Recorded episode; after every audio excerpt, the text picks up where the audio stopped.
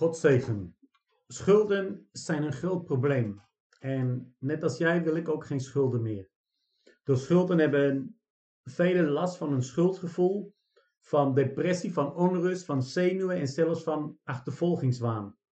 Helaas is hulp niet altijd aanwezig en zeggen velen ook heel erg makkelijk: het is je eigen schuld. En misschien klopt het dat we door verkeerde beslissingen met een schuld zitten waar we moeilijk van afkomen. Maar ik zeg je dit: de schulden zijn niet het einde. Het is een begin van een reis naar de vrijheid. Ik ben pastoor Aanko van Ministry Love in Christ. Ik heb in het verleden ook schulden gehad en het is erg moeilijk om daarmee te leven en ook zeer zwaar om eruit te komen. Maar het kan en het zal lukken. Vandaag wil ik voor je bidden, maar eerst wil ik een paar belangrijke Bijbelse principes delen die je kunnen helpen. Stap 1. Zet God op nummer 1 in alles. Geef God altijd je tienden en offers. Je kan misschien denken, ik heb het meer nodig dan mijn kerk, dan de ministry, maar het gaat om geloof. Je geeft aan God wat je hebt en je zal krijgen wat je niet hebt. Maleachi 3:10 Breng het tiende deel naar de voorraadkamer, zodat er voldoende voedsel zal zijn in mijn tempel. Probeer het eens, moedigt de Heere van de hemelse legers aan. Dan zult u zien dat ik de vensters van de hemel zal openen en een stroom van zegen over u uit zal storten. Kijk ook eens naar deze vrouw, Marcus hoofdstuk 12 vanaf vers 41. Hij ging bij een van de collectekisten in de tempel zitten en zag hoe de mensen er geld in gooiden. Er waren nogal wat rijken die er veel in deden. Er kwam ook een arme weduwe. Zij gooide er twee koperen muntjes in. Die arme weduwe heeft meer gegeven dan al die rijken, zei hij tegen zijn leerlingen. Want die rijken hebben gegeven wat zij niet nodig hadden. Maar deze vrouw gaf van haar armoede alles wat nodig was voor haar levensonderhoud. Dat is geloof, broeders. Dat is geloof, zuster. Stap 2. Vergeef ook anderen. Het kan zijn dat jij meerdere schulden hebt, maar er zijn vast ook mensen die jou iets verschuldigd zijn. Dat kan zijn geld, maar het kan ook zo zijn dat je nooit hulp van familie of vrienden hebt ontvangen. Vergeef ze. Vergeef anderen de schulden die ze bij jou hebben. Zo zal God ook werken aan jouw schulden. Matthäus hoofdstuk 6, vers 12. Vergeef ons onze schulden, zoals wij anderen hun schulden vergeven. Stap 3. Handel naar geloof. Gebruik een budget. Schulden gaan niet zomaar weg. Ook jij moet eraan werken. Jacobus leert ons in hoofdstuk 2, vers 26 dat geloof zonder daden dood is. En tuurlijk heb je geloof en ik geloof ook dat God jouw schulden gaat oplossen. Maar je moet zelf handelen. Blijf weg van alle kostbare hobby's. Focus op het essentiële. Velen hebben thuis kabel en Netflix en Disney Channel en HBO en nog vele andere abonnementen. Maar vaak zijn veel dingen niet echt nodig. Wat we nodig hebben in ons leven is Jezus Christus. En ik raad je aan, ga er echt voor zitten. Schrijf alles op. Al je kosten, alle uitgaven en streep dingen weg die je niet nodig hebt. En volg een plan. Stap 4. Sta op en spreek met je schuldeisers. Wees niet bang. Zij hebben wat van jou nodig en jij wat van hun. Ze kunnen dreigen, ze kunnen heel hard gaan spelen, maar op het moment dat jij opstaat in geloof en met een voorstel komt, dan moeten ze luisteren in de naam van Jezus Christus. Psalmen 37, 21 staat: De goddeloze leent wel, maar geeft nooit terug. Maar de oprechte mens bekommert zich om een ander en geeft wat nodig is. Jij bent een zoon van God, je bent een dochter van God. Hij heeft veel meer dan al je schulden bij elkaar.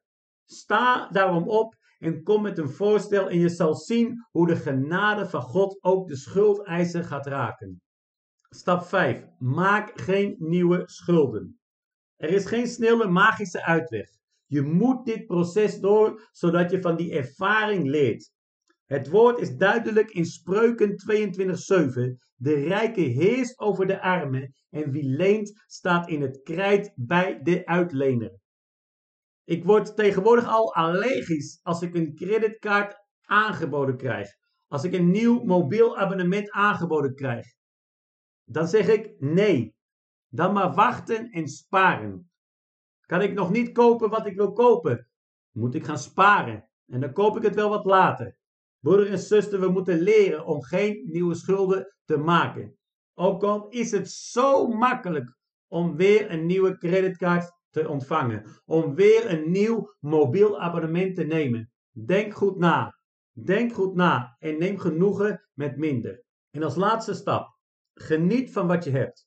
Misschien heb je niet alles wat je buren hebben.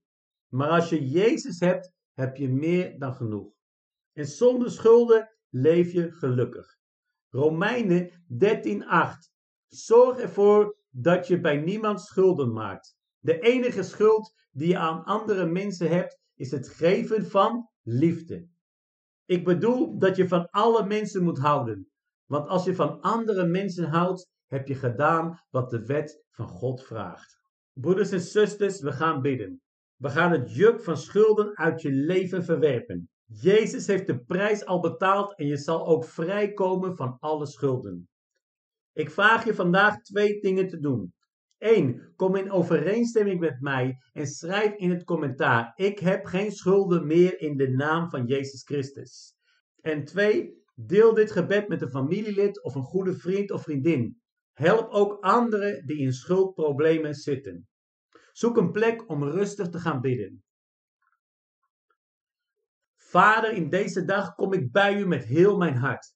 Geprezen is uw naam voor eeuwig en altijd. Samen met mijn broeder en zuster prijs ik u. U bent de God Almachtige. U bent de Heere der Heren en Koningen der Koningen.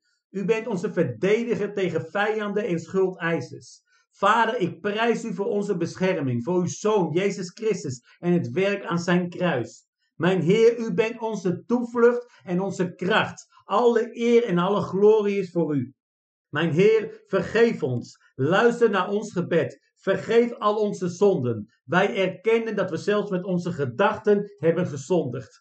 Vader, vergeef mijn broeder, vergeef mijn zuster in de naam van Jezus Christus. Heilige Geest, kom in mijn leven en het leven van mijn broeders en zusters. Ik nodig u uit in dit gebed. Ondersteun ons en leid ons in dit gebed.